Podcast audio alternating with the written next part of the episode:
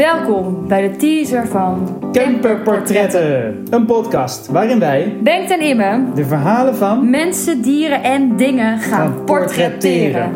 tijdens onze reis van Nederland naar Portugal!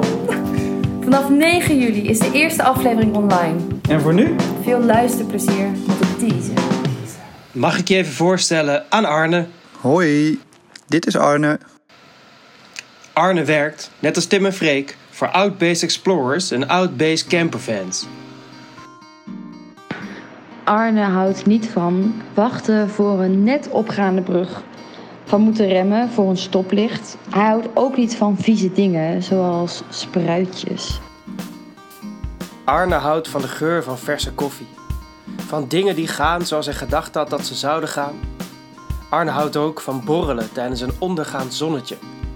Hij houdt ook van fietsen op zijn racefiets, van stevig doorrijden met de auto en hij houdt van reizen.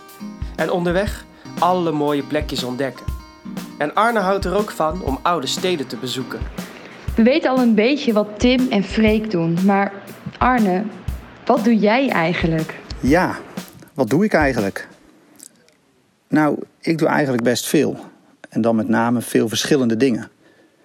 Ik ben in ieder geval grotendeels verantwoordelijk voor de financiën en alle administratie die, daarbij komt kijken. Daarnaast eh, ja, zorg ik ervoor dat alle campers dadelijk ook echt volledig goedgekeurd en verzekerd de weg op gaan. En heb ik alle inkopen gedaan van de zeer uitgebreide inventaris.